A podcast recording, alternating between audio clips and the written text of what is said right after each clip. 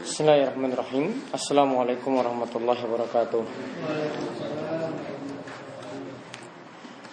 Innalhamdulillah Nahmadu wa nasta'inuhu wa nasta'firuh Wa na'udhu billahi min sururi anfusina wa min sayyati amalina Man yahdihillah falamudillalah Wa man yudlilhu falahadiyalah Wa ashadu an la ilaha illallah Wahdahu la syarikalah Wa ashadu anna muhammadan abduhu wa rasuluh اللهم صل على نبينا وسيدنا محمد وعلى آله ومن تبعهم بسن إلى الدين اللهم انفعنا بما علمتنا وعلمنا ما ينفعنا وزدنا علما Baik, Alhamdulillah uh, para jamaah sekalian Kita bersyukur pada Allah pada malam hari ini Kita dapat melanjutkan kajian rutin kita dari dua pembahasan Masail Jahiliyah dan Bulughul Maram. Kali ini yang pertama kita membahas masalah-masalah jahiliyah terlebih dahulu.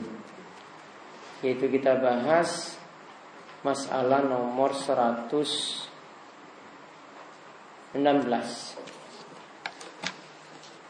kemudian 117 nantinya dan 118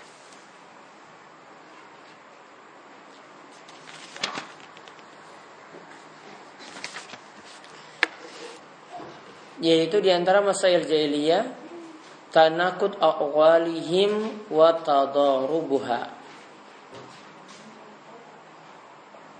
Yaitu pendapat-pendapat mereka itu saling bertentangan dan kontradiksi. Pendapat-pendapat mereka pendapat-pendapat mereka saling bertentangan dan kontradiksi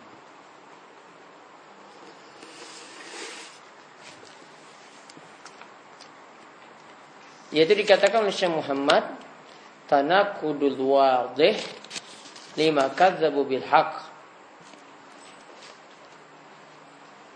Statement mereka itu bertentangan dengan sangat-sangat jelas karena mereka itu menolak kebenaran, karena mereka mendustakan kebenaran. Sebagaimana yang Allah katakan, bal kadzabu bil haqqi lamma ja'ahum fahum fi amrin marid. Bahkan mereka itu menistakan kebenaran yang datang kepada mereka dan mereka benar-benar dalam keadaan berselisih. Maka dikatakan oleh Fauzan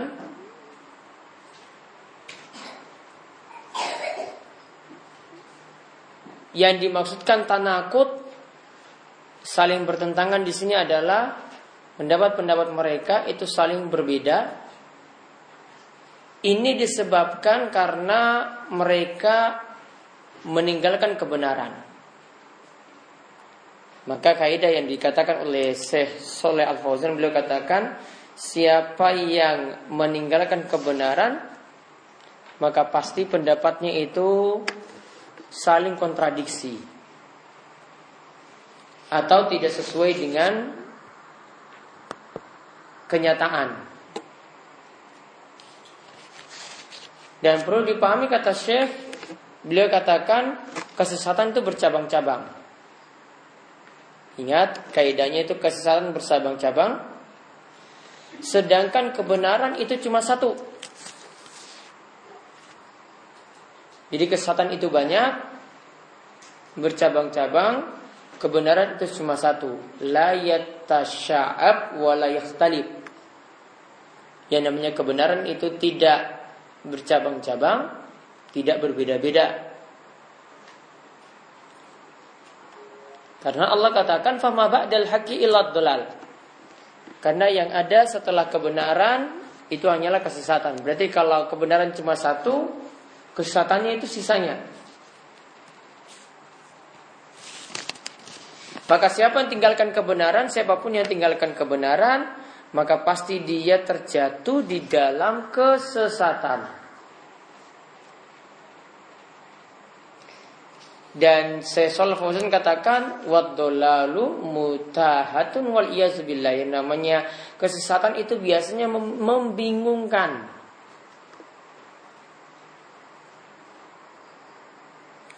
Bahkan didapati nanti orang-orang yang sesat tadi mereka di antara sama orang-orang yang sesat juga berbeda pendapat.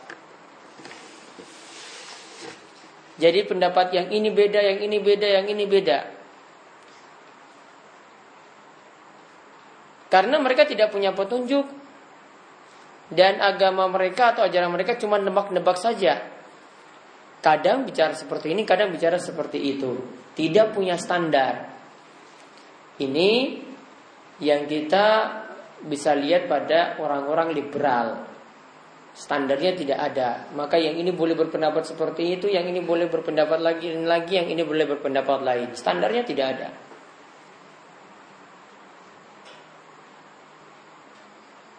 Jadi apa yang dikatakan Allah tadi bal bil lama fahum fi amrin marid yaitu mereka mendustakan kebenaran yang datang pada mereka dan benar-benar mereka itu berselisih. Maka ahlul batil itu selalu berada dalam perselisihan. Adapun perlu dibedakan perbedaan antara ulama mazhab yang empat. Memang ada. Namun itu karena perbedaan istihad. Pemahaman dalil atau pada pendapat yang memang tidak ada dalilnya. Namun perlu dipahami di antara ulama yang satu, ulama mazhab yang satu dan yang lainnya tidak saling menyesatkan dan juga tidak saling mengkafirkan. Jadi setiap mereka amalkan sesuai apa yang mereka pahami dari dalil. Walaupun nanti menyelisihi yang lainnya maka mereka tetap amalkan sesuai dengan dalilnya. Akan tapi kalau prinsip ulama madhab, kalau dapati pendapat mereka menyelisih kebenaran, mereka ikuti kebenaran. Adapun alul kesesatan, mereka tidak punya rujukan dan orang-orang yang sesat itu pendapat mereka bukan kembali pada dalil, namun kembali kepada hawa nafsu. Dan hawa nafsu itu berbeda-beda. Oh, saya itu pengen seperti ini. Ya, hawa nafsu si A beda, hawa nafsu si B juga beda. Maka siapa yang punya sifat seperti ini itu dalam golongannya kok berbeda-beda standar ya maka hati-hati ini adalah sifat jahiliyah dan ingat orang yang berada di atas kebenaran walaupun nanti ada beda pendapat di antara mereka tetap nanti mereka ingin merujuk pada dalil namun ingat prinsipnya tadi kata Syekh tidak saling menyesatkan jadi kalau beda tidak saling sesatkan. Coba lihat sebagian golongan. Kalau sudah lihat orang lain penampilannya saya sudah beda. Ya, kalau ada yang sudah bajunya sudah beda, nggak pakai gamis, maka sudah sesat.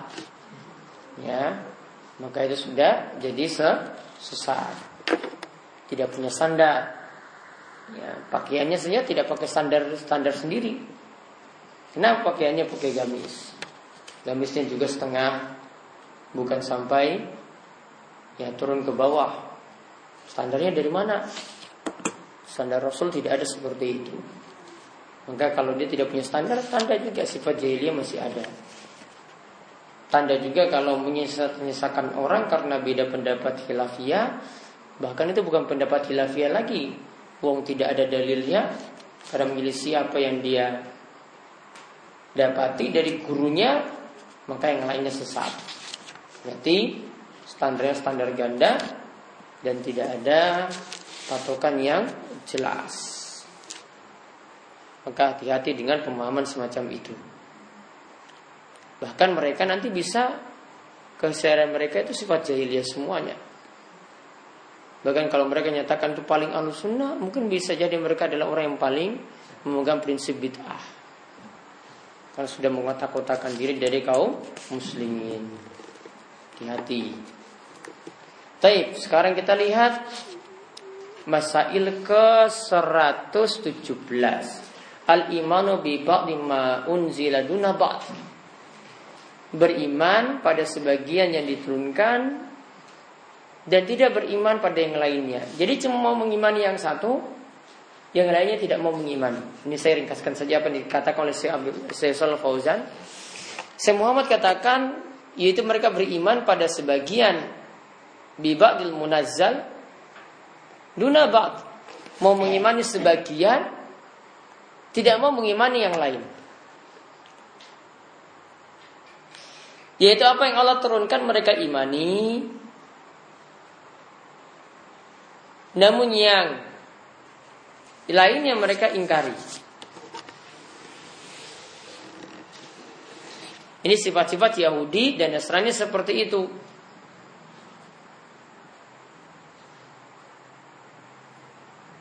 Dan di sini ada nanti bisa dibaca terjemahan contoh-contohnya dalam ayat ini panjang. Intinya sifat mereka mereka imani sebagian kitab dan mengingkari sebagian yang lainnya.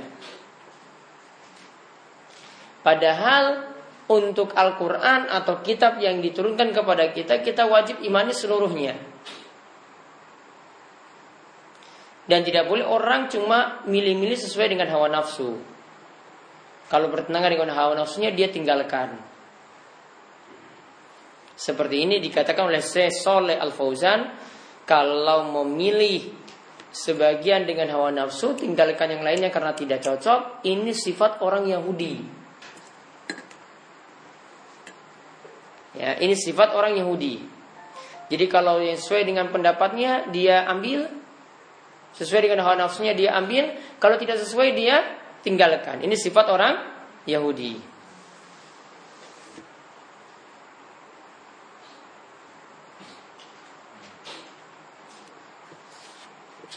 Maka sifat orang muslim tidak niru sifat orang Yahudi. Kalau imani Al-Qur'an ya imani seluruhnya, jangan pilih sebagian dan jangan tinggalkan yang lainnya. Masail ke 118 Ahli iman Nabi Ba'dir Rusul Duna Beriman pada sebagian Rasul Tanpa mau ngimani pada yang lainnya.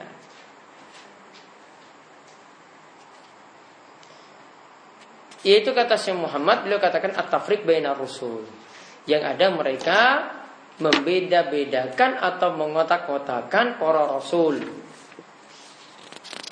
Ya mereka mengotak-ngotakan para rasul. Yaitu mereka punya sifat membeda-bedakan ros, para rasul yang ada. Imani sebagian mereka dan mengufuri sebagian yang lain. Seperti ini adalah sifatnya ahli kitab. Orang Yahudi tidak mau beriman kepada Nabi Isa. Tidak mau beriman juga kepada Nabi Muhammad. Orang Nasrani tidak mau beriman kepada Nabi Muhammad. Jadi Rasul yang ada mereka ingkari. Sedangkan penyembah berhala wasaniyun orang-orang musyrik sama sekali tidak mau beriman kepada Rasul. Mau jalan sendiri. Mereka ingkari Rasul seluruhnya. Mereka mau jalani hidup sendiri, tidak pakai petunjuk dari Rasul.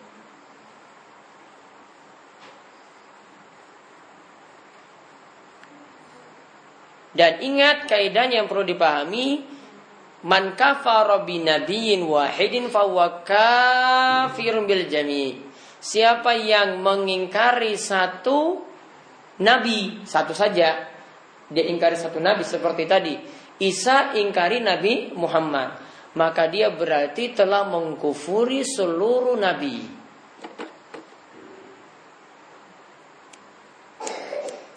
Alasannya karena para rasul itu jalan mereka itu satu, ajaran mereka juga satu. Wahum ikhwah dan mereka itu adalah bersaudara. Maka faman kafar bi wahidin minhum siapa yang mengkafirkan satu saja dari mereka, maka dia telah mengingkari seluruh rasul.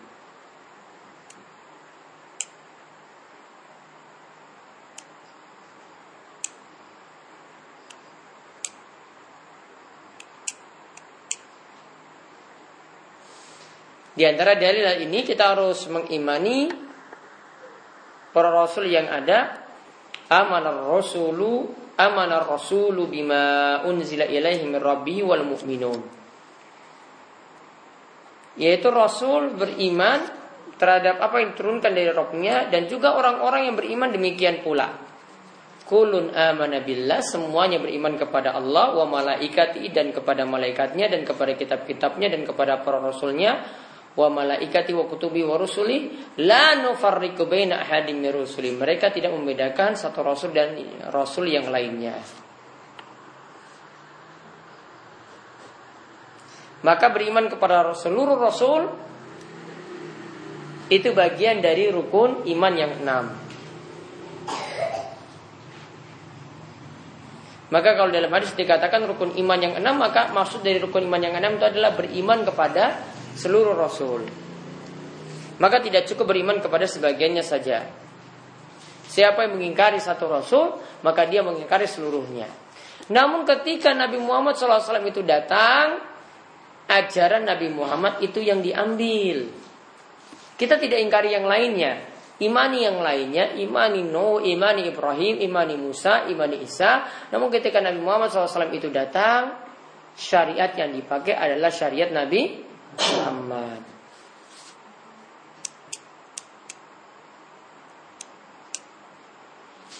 Kemudian satu lagi. Yaitu masail ke tadi 18 sekarang masail ke 119 tadi 118 sekarang 119 al muhajatu fi malai salahum il mereka berdebat pada sesuatu yang tidak mereka ilmui. Jadi yang tidak punya ilmu itu saling debat. Wong bodoh saling debat. Ngel-ngelan terus. Ya, padahal tidak punya ilmu. Ini hukum ini bagaimana? Yang ini ngomong ini, yang ini ngomong itu, gak punya ilmu sama sekali. Nah, kata Syekh Shalal Fauzan, orang jahiliyah gitu, sifatnya yujadilun. Mereka itu berdebat, Fima laisa lahum ilm pada perkara yang mereka tidak memiliki ilmu. Padahal di sini kita wajib berdebat dalam perkara yang kita ilmui saja. Adapun yang tidak kita ilmui, maka hendaklah kita diam. Yang tidak kita ilmui, hendaklah kita diam. Maka ada dua poin penting yang perlu diperhatikan di sini dalam masail nomor 119 ini. Yang pertama, hendaklah kita tidak masuk dalam perkara yang tidak kita ilmui.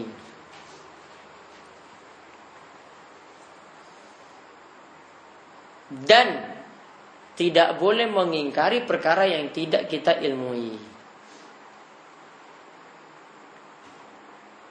Jadi kalau kita sudah tidak tahu maka cukup katakan apa? Allahu a'lam.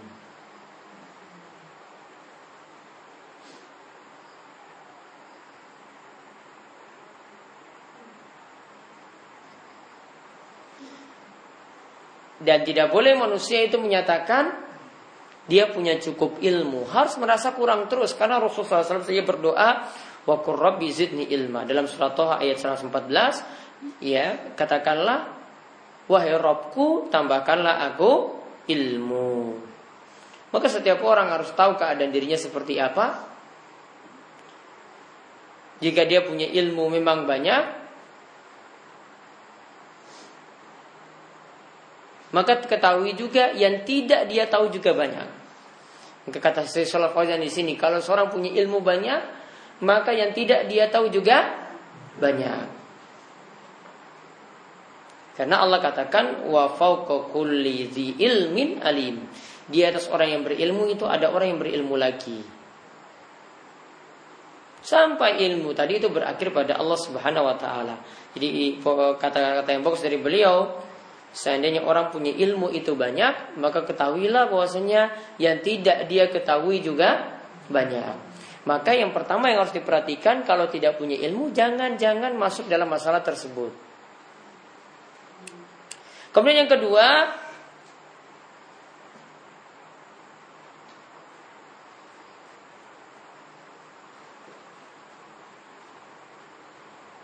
Jangan mengingkari sesuatu yang tidak kita ilmui.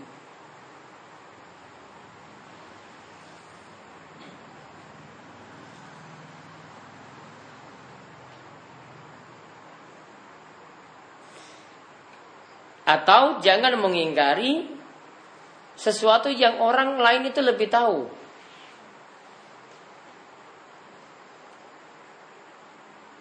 Ada suatu ibarat yang dikatakan oleh para ulama man hafiza hujjatun ala man lam yahfaz. Siapa yang hafal itulah argumen bagi siapa yang tidak hafal. Maka kalau kita tidak tahu ilmunya, maka jangan ingkari. Orang lain yang tahu ilmunya, ya sudah, itu dia yang benar.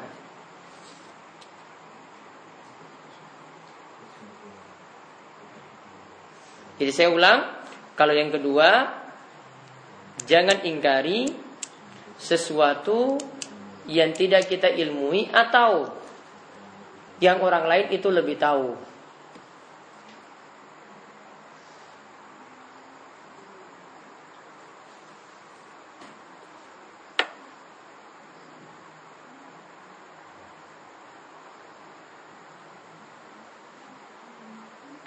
Nah, contohnya di sini yang dikatakan oleh Sesoleh Al-Fauzan, orang-orang dahriyun, orang ateis dan orang-orang musyrik, mereka itu mengingkari sifat-sifat Allah. Mereka mengingkari ada orang yang mengingkari sifat Allah. Dia, mereka mengingkari kalau ada orang yang bertentangan dengan mereka. Padahal sendiri mereka tidak punya ilmu. Dan sifat-sifat Allah adalah ilmu gaib. Ilmu gaib ini nggak bisa kita tebak-tebak. Maka kalau dalam perkara yang Allah ajarkan pada kita tentang sifat-sifat Allah kita imani. Tidak ditolak. Kalau yang tidak Allah ajarkan maka kita imani secara global. Nah, yang dikatakan orang-orang ateis ini gimana? Mereka menolak sifat sama sekali. Dan mereka ingkari yang lainnya. Padahal mereka sendiri tidak punya ilmu. Dan mereka selalu membangun pendapat mereka itu di atas kiat, kias, dan mereka lah orang-orang yang sesat dari jalan yang lurus.